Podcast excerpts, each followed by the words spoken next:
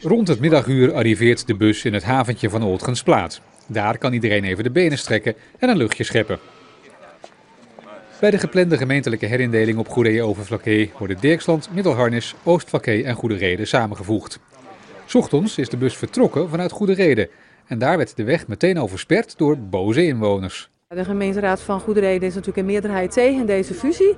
En ik denk dat onze inwoners op deze manier laten zien uh, dat dat ook zo is. Ik bedoel, uh, zij stonden daar denk ik niet niks voor niks. Ik heb vooral uh, aangegeven dat uh, Goede Overflakkee één eiland is.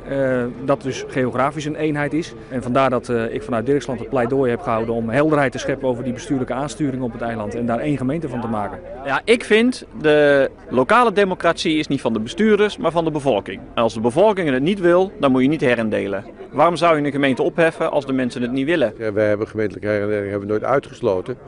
Maar het is niet zo dat het hoogste ideaal wat we hebben een gemeentelijke herindeling is. Het is ook niet zo dat groter altijd beter is.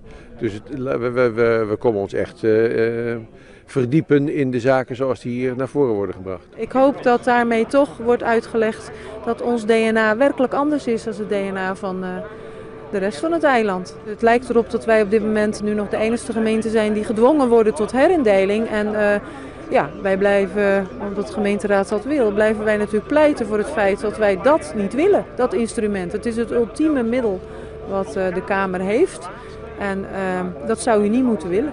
In Middelharnis is vanmiddag nog een hoorzitting gehouden. Daarin spraken de Kamerleden met groepen burgers, organisaties en de gemeenteraden van de betrokken gemeente. Waarschijnlijk valt voor de zomer het definitieve besluit over de herindeling.